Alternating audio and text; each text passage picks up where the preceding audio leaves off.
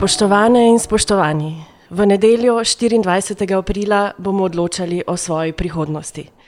Socialni demokrati smo za slepe in slabovidne osebe pripravili zvočni zapis posnetka našega programa. Pomembno je, da se vsi udeležimo volitev. Odločite se za spremembe, odločite se za Slovenijo v varnih rokah. Socialni demokrati smo najbolje pripravljena izbira za vodenje Slovenije v zahtevnih časih. Z ekipo in načrtom za pregled pri specialistu za vse v 30 dneh, za brezplačno šolsko prehrano in brezplačen vrtec, minimalno pokojnino 700 evrov, 10 tisoč javnih najemnih stanovanj, postopen prehod na 32-urni delovni teden. Naredili bomo vse, da bomo z dobrim delom in rezultati vredni vašega zaupanja. Da bo Slovenija varna, solidarna in uspešna država, na katero bomo spet ponosni.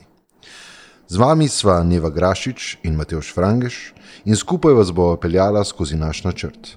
Imamo najbolj natančen program na 240 stranih. To je naš načrt velikih sprememb.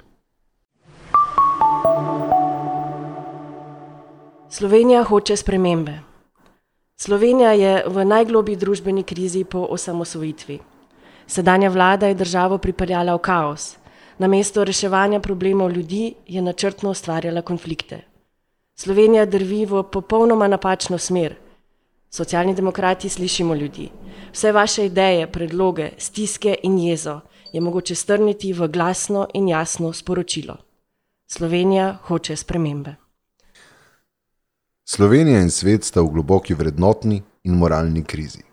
Zato socialni demokrati izpostavljamo svoje vrednote: svoboda, solidarnost, enakost, demokracija, pravičnost, spoštovanje in sodelovanje.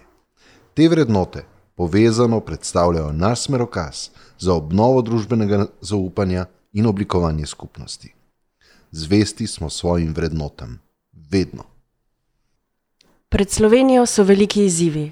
Nujno je pametno soočanje z zdravstvenimi, gospodarskimi, socialnimi, podnebnimi, okoljskimi, tehnološkimi, političnimi in varnostnimi tveganji, da Sloveniji vrnemo varnost, blaginjo in uspeh. Svojim programom zastavljamo jasen načrt velikih sprememb, ki Sloveniji do leta 2030 omogočajo razvojno desetletje in uresničitev naših skupnih razvojnih ambicij. Načrtujemo deset velikih sprememb. Z njimi želimo izboljšati položaj ljudi, javnih storitev, gospodarstva, upravljanje države in demokracije. Ključni prioriteti programa sta dostopno in kakovostno javno zdravstvo in dvig dodane vrednosti z vključevanjem znanja in inovacij v trajnosten in pravičen razvoj. To ni program za ene volitve, to je program za razvojno desetletje in za dva mandata 2022 do 2026 in 2026 do 2030. Z močno podporo ljudi, naši viziji in našemu programu lahko Slovenijo peljemo naprej na pravo pot. Slovenija je lahko drugačna. To pa zahteva tudi drugačno politiko, drugačno kulturo dialoga in sodelovanja, drugačen način vodenja. Socialni demokrati bomo svoje rešitve uveljavili v dialogu s socialnimi partnerji, nevladnimi organizacijami in civilno družbo, z vsemi generacijami, s strokovnjaki, spoštovanjem enakosti žensk in moških ter z upoštevanjem potreb vseh družbenih slojev.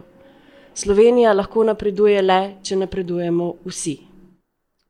Naš program odgovarja na ključno zahtevo ljudi po spremembah.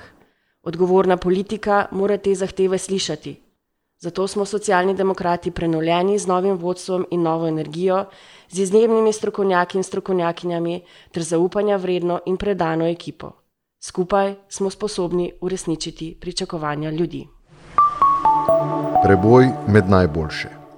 Z razpoložljivimi razvojnimi viri želimo socialni demokrati podpreti vizijo Slovenije, da se po ključnih merilih, ki kažejo na vse vidike kakovosti življenja, trajnostnega razvoja, inovativnosti, digitalizacije, demokracije, socialne in ekonomske uspešnosti, prebije med najboljše države na svetu. Menimo, da ima Slovenija za to vse možnosti. Ključna orodja za takšen razvojni preboj vidimo v znanjah in kompetencah naših ljudi, v legi Slovenije v srcu Evrope. Zato, da dosežemo vizijo, potrebujemo nov razvojni model, posodobljeno družbeno infrastrukturo in učinkovito, za demokratično makroekonomsko upravljanje usposobljeno državno upravo. Potrebujemo vlaganje v ljudi. Drugače. Ta program je odgovor na najpomembnejše strateško vprašanje: kako, od česa, v kakšnem okolju in v kakšni skupnosti bomo živeli mi in prihodnje generacije. Slovenija potrebuje nov, vključujoč razvojni model. Strogo varčevanje je zamenjalo brezglavo trošenje. Zdaj potrebujemo pametna vlaganja v javne storitve, javno infrastrukturo, družbeno odgovorno znanje, kritično kulturo, ideje in podjeme. Potrebujemo vlaganja v ljudi. Potrebujemo boljše vodenje in upravljanje, ki bo usmerjeno v zadovoljevanje temeljnih potreb velike večine ljudi, ne le peščice. Kakovostne in vsem dostopne javne storitve so ključ za vključujoč razvoj in enake možnosti vseh na področju šolstva, znanosti, zdravstva, socialne varnosti in javne infrastrukture. Uspemo lahko zgolj kot odprta, povezana in inovativna družba. Ključno je vključujoče delovanje povezovanje, sodelovanje, novi modeli in prenos najboljših praks v naše gospodarstvo, upravljanje in vodenje države in družbe. Napredek je mogoč le, če povečamo zaupanje v naših medčloveških in institucionalnih odnosih. Vsem moramo zagotoviti enake možnosti, uveljaviti enakost spolov in generacij ter solidarnost pri delitvi rezultatov napredka. Vsi moramo k temu prispevati po svojih najboljših zmožnostih. Nosilci oblasti in oblastnega odločanja morajo prevzemati za svoje delo polno odgovornost kot prvi korak k obnovitvi zaupanja. Za sprostitev ustvarjalnih potencijalov je treba izboljšati medresorsko sodelovanje, odpraviti prenormiranost, okrepiti decentralizacijo in regionalizacijo, usposobiti uradništvo in ga nagrajevati po rezultatih dela. Vizija drugačne Slovenije. Varno v zdravo družbo dostopnega zdravstva.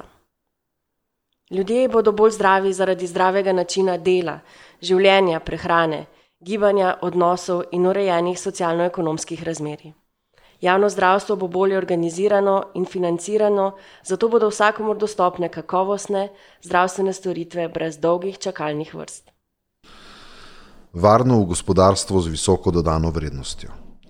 Gospodarsko rast bodo zagotavljala vlaganja v družbeno odgovorno znanost in inovacije, ki bodo rezultat odlično organiziranega inovacijskega, raziskovalnega in podjetniškega ekosistema. Slovenija bo gospodarsko odpornejša na zunanje šoke z visoko stopnjo izvoza in pametno, digitalno in okolju prijazno industrijo in storitvami. Varno v družbo večje enakosti in boljših plač. Višja dodana vrednost bo Sloveniji omogočala više plače in preprečila revščino zaposlenih. Minimalna plača bo dosegla 1000 evrov. Z učinkovitimi programi socialne zaščite bo zmanjšana revščina med starejšimi, družinami in mladimi. Poskrbljeno bo za dolgoročno vzdržnost pokojninskega sistema, ženske bodo zasedale polovico vseh pomembnih položajev v družbi. Varno v podnebno neutralno družbo. Ambiciozni cilji za znižanje emisij toplogrednih plinov do leta 2030 in doseganje oglične neutralnosti najkasneje do leta 2050 zahtevajo prilagoditve v potrošnji, prometu, energetiki, kmetijstvu in gospodarstvu. Naše ključne usmeritve so vlaganje v obnovljive vire, sončni paneli na čim več strehah, učinkovita raba energije in elektrifikacija mobilnosti in transporta. Varno v odprto, demokratično in vključujočo družbo. Slovenija bo imela močne in neodvisne medije, zavarovano neodvisnost ključnih institucij, vključujočo javno razpravo in polno demokracijo z različnimi oblikami vključevanja ljudi v vsakodnevno odločanje. Korupcija bo strogo kaznovana, zaupanje v demokracijo, državo in prihodnost se bo povečalo. Družbeni konflikti bodo obravnavani spoštljivo in vključujoče. Velike spremembe za razvojno desetletje. Velike spremembe so osvežen politik, s katerimi socialni demokrati Slovenijo peljemo v prihodnost. Rezultat velikih sprememb je dostopno in kakovostno zdravstvo, dvig dodane vrednosti gospodarstva in prehod v industrijo 5.0, digitalizirana družba z razvitimi digitalnimi kompetencami, dostojno delo, preprečevanje prekarnosti in postopen prehod na 32-urni delovni teden. Uvajanje univerzalnih temeljnih dobrin za vse, dolgoročna vzdržnost socialnih sistemov in dostopna dolgotrajna oskrba, nova najemna stanovanja in domovi za študente in starejše pospešen prehod v nizkooglično družbo, zeleno energijo in zeleno mobilnostjo, več demokracije in več sodelovanja, ter napredna in načelna zunanja politika v jedru Evropske unije. Vse te spremembe želimo doseči v razvojnem desetletju do leta 2030. Socialni demokrati imamo za te velike spremembe svoj načrt.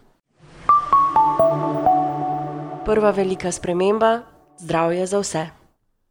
Socialni demokrati imamo načrt za kakovostno in dostopno javno zdravstvo za vse.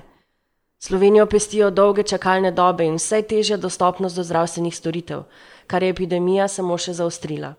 Ko potrebuješ zdravnika, ga dobiš takoj, če plačaš. Vse več zdravstvenih storitev ljudje plačujejo iz žepa. To povečuje neenakosti in revnejšim onemogoča zdravstvene storitve. Ob tem ni jasno, kaj ljudje dobijo, saj ni nadzora nad kakovostnimi zdravstvenimi storitvami. Staranje prebivalstva, porast kroničnih bolezni, zastarela infrastruktura in tehnološko nazadovanje bodo brez ukrepov še poslabšali dostop do zdravstvenih storitev. Če hočemo rešiti težave, moramo najprej razumeti njihove vzroke. Slaba in zastarela organizacija zdravstvenega sistema in javnih zdravstvenih zavodov, premalo sredstev in njihova neracionalna poraba. Nizke plače medicinskih sester in težki delovni pogoji povzročajo kronično pomankanje kadra, premalo družinskih zdravnikov, ki predstavljajo stopno točko za dostop do vseh zdravstvenih storitev. Ogrožena je dostopnost do ginekoloških storitev na primarni ravni. Čakalne dobe nastajajo tudi zato, ker imamo neustrezen sistem razporejanja denarja glede na potrebe po specifičnih zdravstvenih storitvah ter slabšo izkoriščenost opreme in kadra. Zdravstveni menedžment ima premalo avtonomije in premalo odgovornosti. Ogrožena je dostopnost do ustrezne in pravočasne pomoči osebam, predvsem otrokom in mladim, s težavami v duševnem zdravju. Naše rešitve. Naša strategija temelji na treh stebrih: boljša organizacija in upravljanje zdravstva, boljše in pravičnejše financiranje zdravstva in naložbe v modernizacijo in učinkovitost zdravstvenega sistema. Pri tem želimo uresničiti to, kar razumemo kot vizijo slovenskega javnega zdravstva. Razviti želimo dostopen, učinkovit in gospodaren sistem, ki bo vsem ljudem zagotavljal sodobne in kakovostne zdravstvene storitve brez nerazumno dolgih čakalnih dob, zadovoljnim osebjem, ki se pa v dostopnosti, kakovosti in inovativnosti uvršča med najboljše na svetu. To ne bo enostavno. Potreben je niz težkih, celovitih in strateško načrtovanih odločitev, da odpravimo vzroke slabega delovanja slovenskega javnega zdravstvenega sistema. Takoj bomo začeli s programom za skrajšanje čakalnih dob. Naš cilj je jasen: v 30 dneh do pregleda pri specialistu. Kako bomo to dosegli? Prvič, z urgentnim programom odpravljanja zaostankov, za kar bomo namenili 200 milijonov evrov. Drugič, s plačilom vseh storitev, ki jih javni zdravstveni zavodi izvedejo nad dopustno čakalno dobo. In tretjič, s ponovnim ovrednotenjem cen storitev, kjer se pojavljajo nedopustne čakalne dobe. Ob tem bomo vzpostavili določene referenčnih cen zdravstvenih storitev, ki bodo predstavljale maksimum cene, da se vzpostavi enakost med zdravstvenimi ustanovami in prepreči pojav, ko se te ne odločajo za posege, ki se manj splačajo. Družinski zdravniki so vstopna točka do zdravstvenih storitev. Uredili bomo njihov položaj, da zadržimo obstoječe in pridobimo nove kadre. Z organizacijskimi ukrepi bomo poskrbeli, da bodo vsi ljudje imeli osebnega zdravnika. To, da 133 tisoč ljudi danes nima osebnega zdravnika, je nespremljivo. Prizadevali si bomo za krepitev pravic zdravljenja neplodnosti in pravic žensk, ki potrebujejo širšo zdravstveno obravnavo na področju reproduktivnega zdravja, krepili bomo ginekološko dejavnost na primarni ravni in položaj urologije na sekundarni ravni. Organiziran bo enotni telefonski center za pomoč uporabnikom pri storitvah v javnem zdravstvenem sistemu kot komplementarna dopolnitev e-zdravja. Uredili bomo položaj medicinskih sester in zdravstvenih tehnikov ter jim znatno dvignili plače. Izboljšanje upravljanja, kakovosti in odgovornosti. Vse zdravstvene ustanove bodo nadzirali akreditirani in usposobljeni nadzorni sveti. Direktorjem zavodov bomo dali večjo avtonomijo in večjo odgovornost. Ključna je ukrepitev vloge Zavoda za zdravstveno zavarovanje kot plačnika zdravstvenih storitev. Potrebna je modernizacija zavoda kot jedra sistema, ločitev upravljalske in nadzorne vloge ter poenostavitev sprejemanja odločitev. Socialni partnerji bodo ostali vitalni del sprejemanja odločitev. Preko regijskih zdravstvenih uprav v enota zavoda bomo povečali učinkovitost primarne in sekundarne ravni javnega zdravstva. Vzpostavili bomo agencijo za zdravje za določanje referenčnih cen, za nadzor nad kakovostjo in varnostjo zdravstvenih storitev ter za vrednotenje zdravstvenih tehnologij. Ob tem bomo izpeljali več sistemskih sprememb v javnem zdravstvu. Določili bomo novo košarico pravic, ki mora biti v celoti zagotovljena iz zdravstvenega zavarovanja in javnih sredstev. V osnovni košarici bo tudi več zobozdravstvenih storitev. Oblikovali bomo novo mrežo javnega zdravstva, ki bo zajemala vse storitve, izvajalce, kapacitete in kakovost na primarni, sekundarni in terciarni ravni, vključno z danes manjkajočimi negovalnimi bolnišnicami in palijativno oskrbo. Na podlagi javne mreže bodo oblikovani kadrovski modeli za zadostno število zdravnikov, osebje za zdravstveno nego in ostale poklice v zdravstvu. Vpeljali bomo nagrajevanje po kakovosti in obsegu upravljenega dela. Spremenili bomo postopke javnega naročanja, da odpravimo cenovne anomalije pri naročanju medicinskih pripomočkov in zdravil. Omogočene bodo skupne in mednarodne nabave ter neposreden nakup pri proizvajalcih, da se doseže najboljša možna cena. Socialni demokrati bomo izvedli tudi druge ukrepe za modernizacijo zdravstva in financiranje na ravni najrazvitejših. Z ukinitvijo dopolnilnega zdravstvenega zavarovanja bomo uveljavili univerzalno zdravstveno zavarovanje. Tako povzročen primankljaj zdravstvene blagajne bomo uravnotežili s pravičnim, progresivnim obdavčenjem premoženja. Tako bomo izboljšali položaj revnejših in srednjega sloja, bogatejši pa bodo za zdravstvo prispevali več. Druga velika sprememba: dvig dodane vrednosti. Slovenija mora dvigniti produktivnost na zaposlenega s krepitvijo vseh dejavnikov: kompetenc, inovacij, tržne učinkovitosti, institucij in naložb. Naš cilj je, da slovenski razvojni model postane bolj pravičen, slovenska družba bolj inovativna, naše gospodarstvo pa tako poveča dodano vrednost na zaposlenega, s tem pa ustvari kakovostnejša delovna mesta, boljše plače in posledično višjo blaginjo. Uveljavili bomo model vključujočega in trajnostnega razvoja s podporo povečanju dodane vrednosti v družbeno odgovornem in trajnostnem gospodarstvu. V osnovi gre za vprašanje, od česa bomo jutri živeli kakšna bodo naša delovna mesta. Bomo del razvojnih jeder ali del nerazvite periferije? Bomo razvijali lastno znanje ali bomo znanje drago kupovali od drugih? To so bistveno vprašanje za prihodnjo orientacijo naše družbe. Zato bomo socialni demokrati povečali produktivnost s podporo gospodarstvu za razvoj novih produktov, uvajanje novih tehnologij, z robotizacijo in digitalizacijo. Razvili bomo nov raziskovalni inovacijski ekosistem z višjimi javnimi vlaganji v raziskave in razvoj, z boljšim prenosom znanja v gospodarstvo in z dolgoročnimi spodbudami, z novo agencijo za prebojne tehnološke inovacije po vzoru Nemčije. Spostavili bomo pospeševalni program za internacionalizacijo, osredotočen na mala in srednja ter zagonska podjetja in nastankom Slovenske mednarodne gospodarske zbornice s povezavo v tujini živečih gospodarstvenikov in diplomatov ter s finančnimi mehanizmi za vključevanje slovenskih podjetij v dobavne verige v mednarodnem prostoru, pa tudi z izboljšanjem položaja slovenskih podjetij v mednarodnih verigah vrednosti. Z razvojem ekonomske demokracije, spodbujanjem delovskega delničarstva podjetij in večjo vlogo zadrug kot pravičnejšega gospodarskega modela.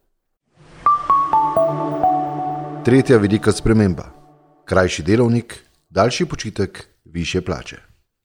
Vsak, ki dela polni delovni čas, si zasluži dostojno plačo. Ta mora pokriti več kot le nujne minimalne življenjske stroške. Delo mora v naši družbi ponovno postati vrednota. Hkrati pa moramo spremeniti način, kako uravnavamo delovni in prosti čas. Predstavljajte si, da bi delali le 4 dni na teden, 32 ur na mesto 40, hkrati pa bi imeli plačo in socialno varnost za polni delovni čas. Izkušnje kažejo, da s skrajšanjem delovnega časa povečamo produktivnost in dodano vrednost na zaposlenega, zaposlenim pa zagotovimo več prostega časa za družino, rekreacijo, hobije in kakovostno življenje. Prihodnost dela pred nas postavlja resne izzive. Kako povečati plače, še posebej minimalne, na raven dostojnega preživetja, kako odpraviti prekarnost in na novo urediti delovske pravice, primerne razmeram 21. stoletja. Danes smo soočeni s številnimi spremembami, ki zadevajo prihodnost dela in potrebujejo zakonodajne prilagoditve.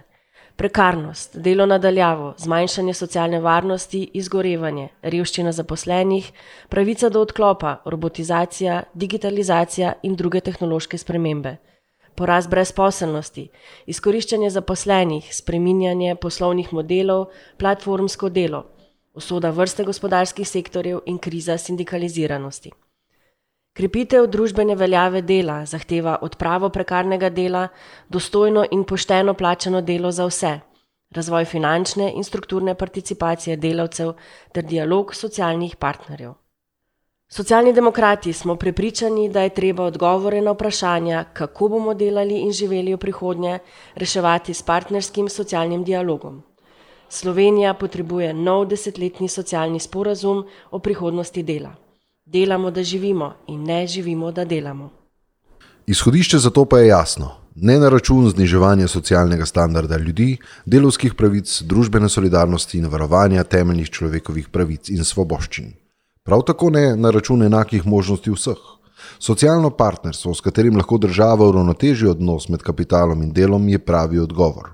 Razmerja moči med kapitalom in delom so se namreč močno porušila. Delo je razvrednoteno, kapital pa pridobiva moč. Kopičenje profita na strani lastnikov kapitala pa prevladuje kot osnovno merilo in osnovno gonilo.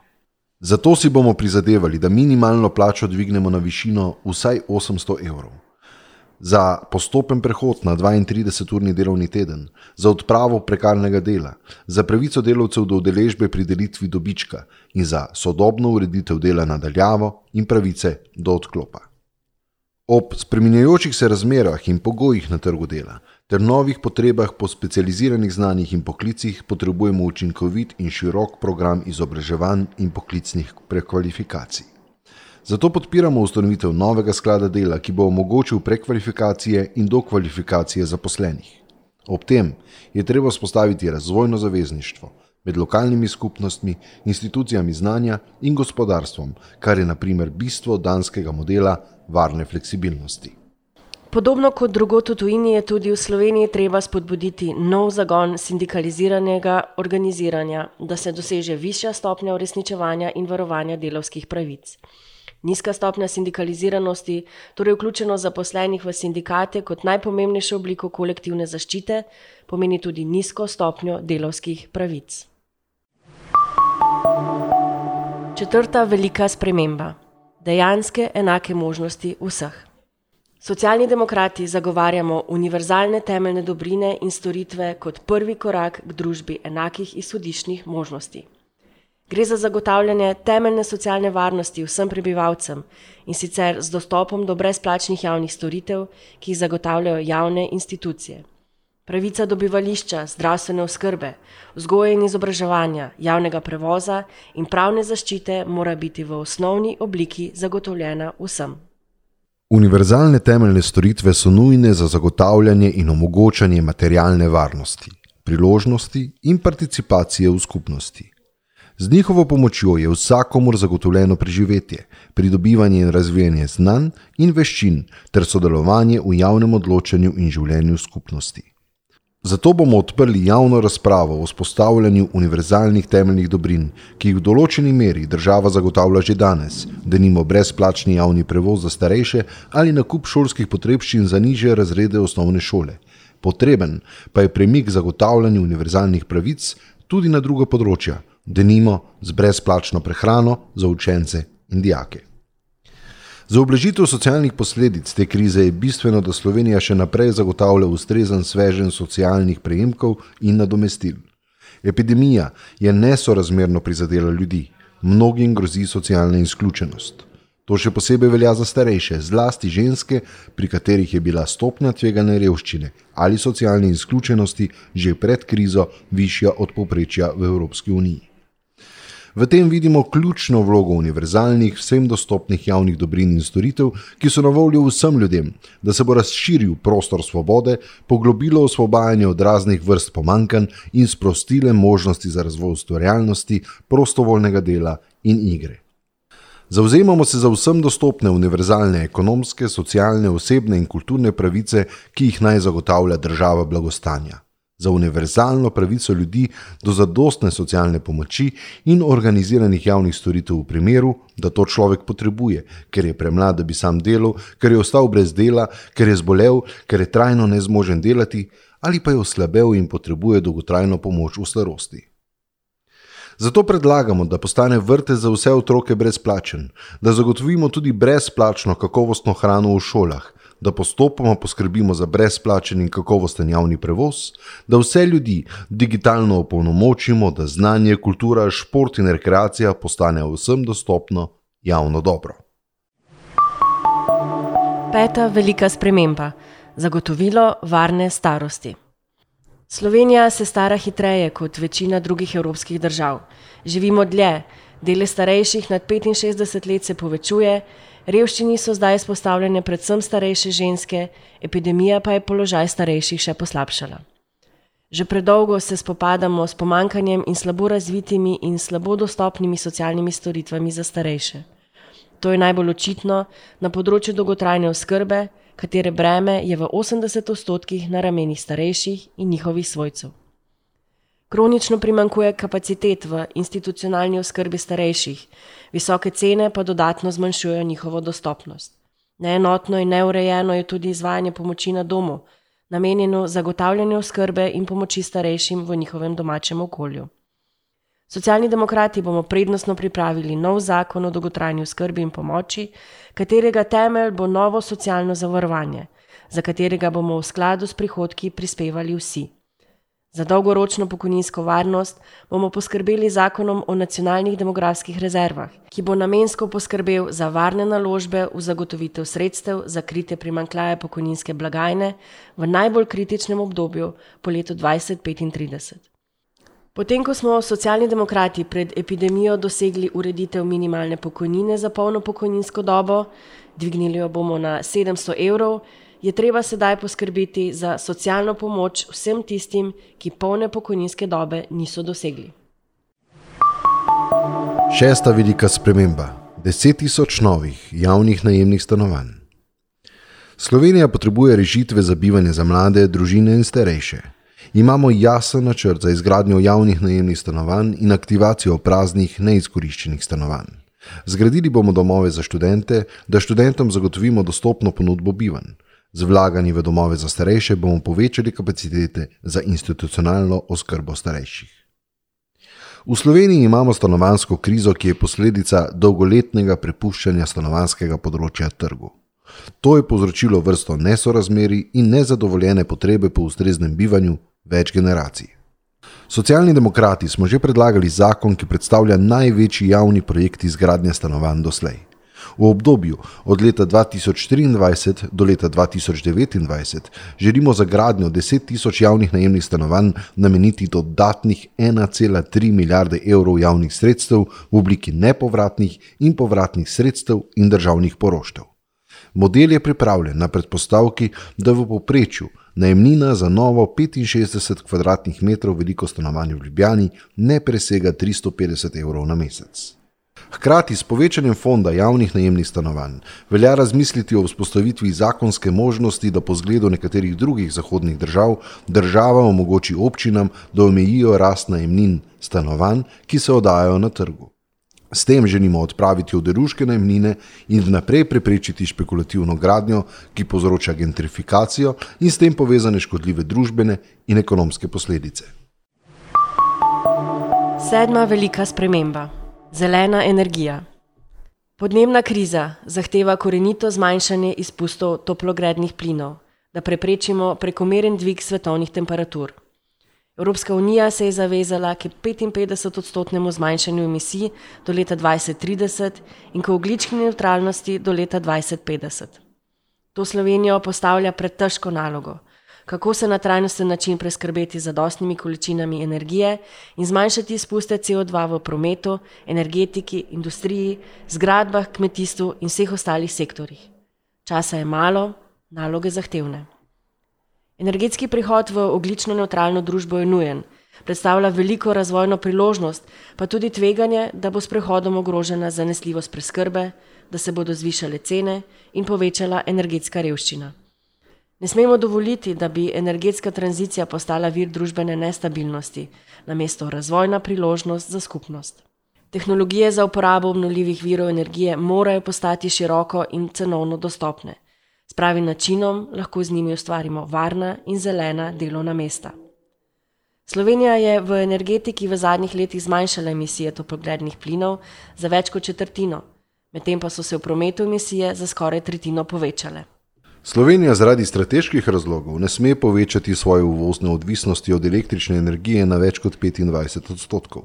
Zato so potrebna obsežna vlaganja v obnovljive vire energije, povečanje učinkovitosti rabe energije in odločitev o prihodnosti jedrske energije. Cene električne energije se že povečujejo. Z nepremišljenim in prehitrim zapiranjem velikih proizvodnih zmogljivosti, če ne bodo ob tem pravočasno zagotovljene sprejemljive nadomestne zmogljivosti, bo Slovenija še bolj ranljiva za podražitve, ki bodo na koncu udarile po žepu prebivalstvo in konkurenčnost gospodarstva. Najdražja energija je namreč tista, ki je nimaš. Da bi lahko zagotovili zanesljivo, trajnostno in sprejemljivo oskrbo z električno energijo, mora Slovenija proučiti možnosti izkoriščanja vseh razpoložljivih virov električne energije. Zaradi odgovornosti do prebivalstva, do družbenih sistemov in gospodarstva se v tem trenutku ne moremo vnaprej odreči nobenemu potencialnemu viru energije, ne da bi natančno vedeli, koliko časa bo trajala izgradnja nadomestnih virov, kakšne so za to potrebne investicije, kakšna bo predvidena cena in razpoložljivost ter vplivi na okolje. Za zagotovitev zanesljive in nizkooglične oskrbe z energijo je nujno koordinirano upravljanje celotnega energetskega sistema in energetskega prehoda. Zato vlaganja v obnovljive vire energije, modernizacija električnih omrežij, referendum o izgradnji drugega bloka nuklearne elektrarne Krško, prestrukturiranje od premoga odvisnih regij in uvedba energetske kapice, torej omejitve najviše dovoljene cene električne energije. Osma velika sprememba: potnike in tovornjake na hitre vlake. V Sloveniji je promet največji onesnaževalec izpusti toplogrednih plinov. Pomemben dejavnik zmanjšanja emisij je zato prenova našega prometa. Država mora spodbuditi uporabo javnega potniškega prometa, kolesarjenja in elektrifikacije prometa, tovorni promet pa preusmeriti iz cest na železnice.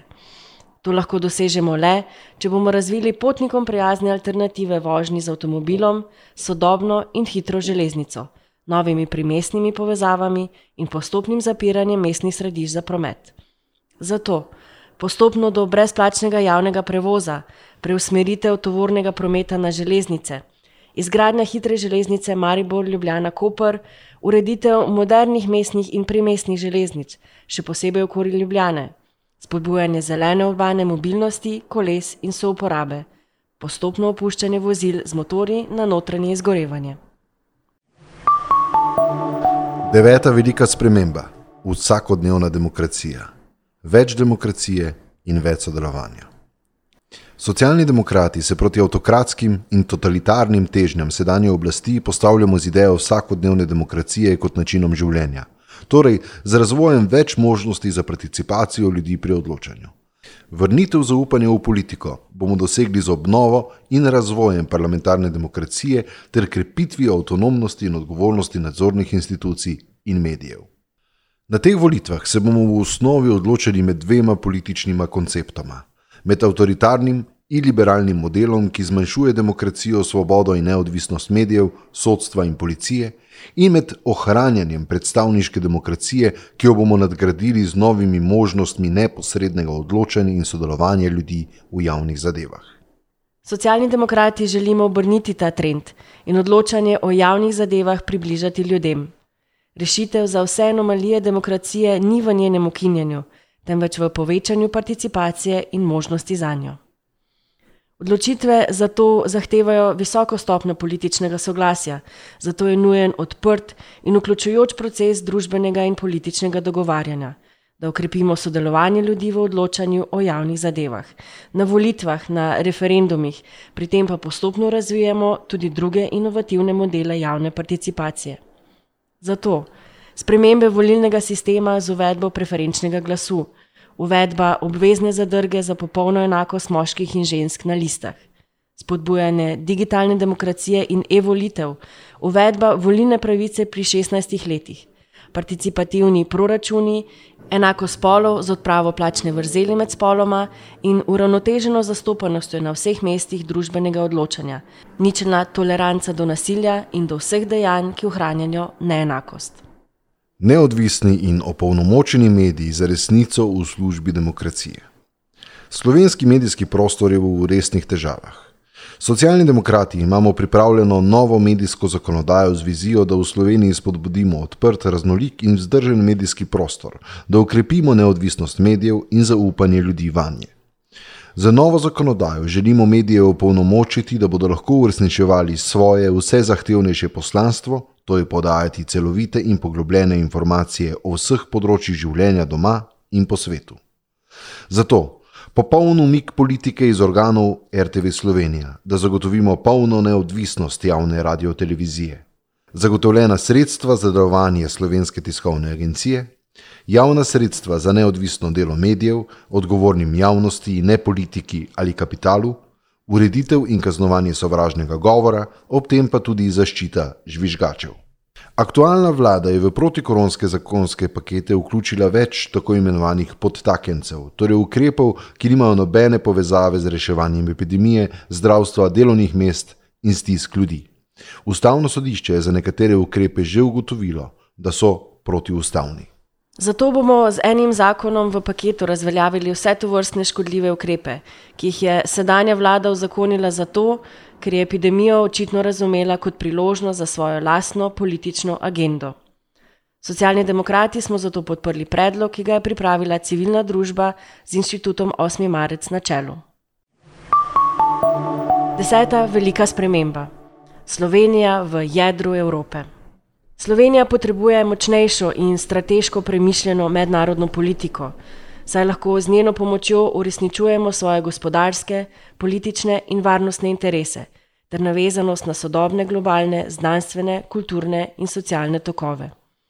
Dolgo obdobje relativno pasivne zunanje politike je v času sedanje vlade zamenjala napačna politika, ki je v kratkem času povsem spremenila zunanje politično orientacijo Slovenije od vladavini prava zavezanega jedra Evropske unije k strateškemu zavezništvu z Orbanovo Mačarsko.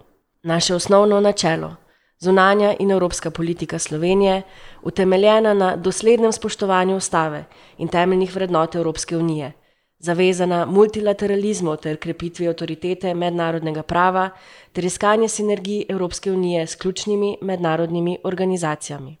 Živimo v času tektonskih premikov v geopolitični ureditvi sveta ter v času intenzivnih podnebnih sprememb.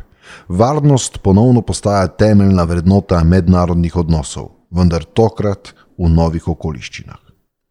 Omenjeno kliče po spremembi temeljne paradigme, ki naj neoliberalni vzorec vidke države, ki jo determinirajo silnice globalnega trga, spremeni v novodobno solidarnost in enakopravnost. V tem kontekstu je treba razumeti tudi varnost in obrambne izdatke, ki temeljijo zgolj na odstotku nacionalnega proračuna in jih zamenjati z logiko dviga kakovosti obrambno-varnostnega sistema in izboljšanja učinkovitosti diplomacije. Prizadevanja za uspeh evropskega projekta bodo naša največja investicija v mednarodnem okolju, saj bomo le tako lahko učinkovito naslovili pričakovanja naših državljanov. Zgolj članstvo v obstoječih mednarodnih organizacijah nam ne omogoča več celovite zaščite temeljnih interesov. Utrditi je treba partnerstva z zaveznicami in prijatelji, s katerimi delimo vrednote in interese. Slednje je treba krepiti komplementarno z intenziviranjem naše vidnosti v mednarodnih organizacijah in krepitvijo naše vloge pri njih, predvsem znotraj Evropske unije. V tem kontekstu moramo aktivno prispevati tudi k strateški samostojnosti Evropske unije, da se bomo lahko zanesli na svoje resurse, tako glede gospodarskega razvoja, kot tudi varnosti. Predvsem pa bo to omogočilo, da bomo ostali resen globalni akter, ki bo ohranil sposobnost projiciranja stabilnosti v svoji soseščini. Slednje je potrebno zaradi zaščite Evrope kot kontinenta pred novodobnimi globalnimi izzivi, kot tudi zaradi razvoja evropskega gospodarstva. Še najbolj pa je strateška samostojnost potrebna za ohranitev naših vrednot, med katerima sta demokracija in vladavina prava, ki izhaja iz spoštovanja človekovih pravic, na prvem mestu. V tem kontekstu je za Evropo pomemben tudi proces širitve, ki se ne sme ustaviti, dokler Evropa kot kontinent ne bo konsolidirana in združena v družini vseh držav z evropsko perspektivo. Kako bomo vse to plačali? Financiranje razvojnega desetletja. Za izhod iz krize in za vstop v razvojno desetletje bomo s progresivnimi javnofinančnimi politikami aktivirali vse razpoložljive razvojne vire. Spremenjeno gospodarsko in politično okolje 21. stoletja na globalni in evropski ravni omogoča, da na krizo in razvojne izzive ne odgovorimo z omejevanjem vloge držav, ampak z neokenezijansko narodno gospodarsko politiko.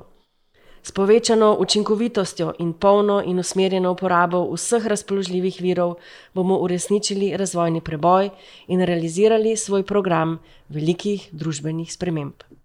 Zadnje tri velike krize, finančna, migracijska in zdravstvena, so pokazale na nujnost močne države, da se zagotovi okrevanje, poveča odpornost gospodarstva in družbe ter poveča njena solidarnost. To zahteva dodatne vire, ki jih je treba učinkovito uporabljati.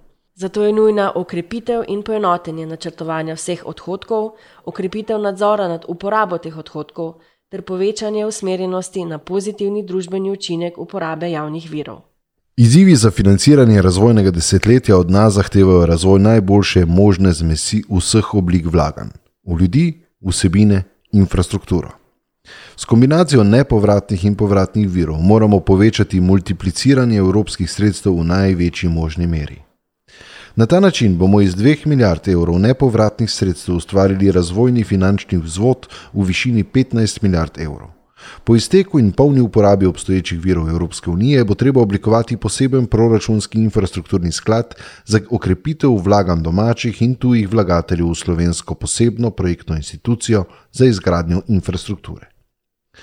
Ob tem bomo spodbudili aktiviranje sredstev dodatnega pokojninskega vrčevanja, oblikovali potreben ekosistem za pripravo in izvajanje razvojnih strategij in reform, ter modernizirali in preoblikovali SID banko v sodobno in aktivno razvojno in izvozno banko s hkratno protikrizno vlogo banke v obliki izvajanja storitev financiranja, investiranja in zavarovanj razvojnih projektov.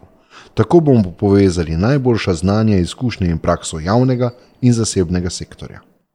Nameravamo spremeniti strukturo in višino javnofinančnih prihodkov in odhodkov. Zato je potrebno aktivno delovanje na strani prihodkov, za dosego z Evropsko unijo primerljive ravni pravične progresivne obdavčitve. Oblikovali bomo stabilno in na spremembe odzivno davčno okolje, usmerjeno v ustrezno prilagoditev in pridobitev nujnih virov za delovanje družbe in države za naslednjimi cilji.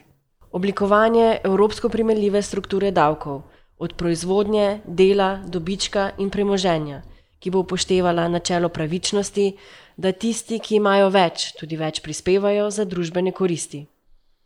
Podpora prenovi socialnih zavarovanj in zagotovitvi dodatnih virov za javni zdravstveni sistem, za dolgotrajno oskrbo in pokojnine.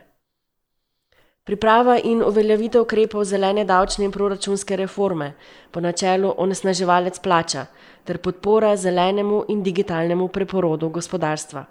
Oblikovanje učinkovitih ukrepov za boj proti izogibanju plačevanja davkov in za učinkovito pobiranje davkov. To so naše velike spremembe. Varna pot Slovenije v prihodnost. Celoten program najdete na naslovu www.socialnidemokrati.si pošiljka drugače. V nedeljo 24. aprila pojdite na volitve. Volite socialne demokrate, da bo drugače. Hvala za pozornost, želiva vam vse dobro.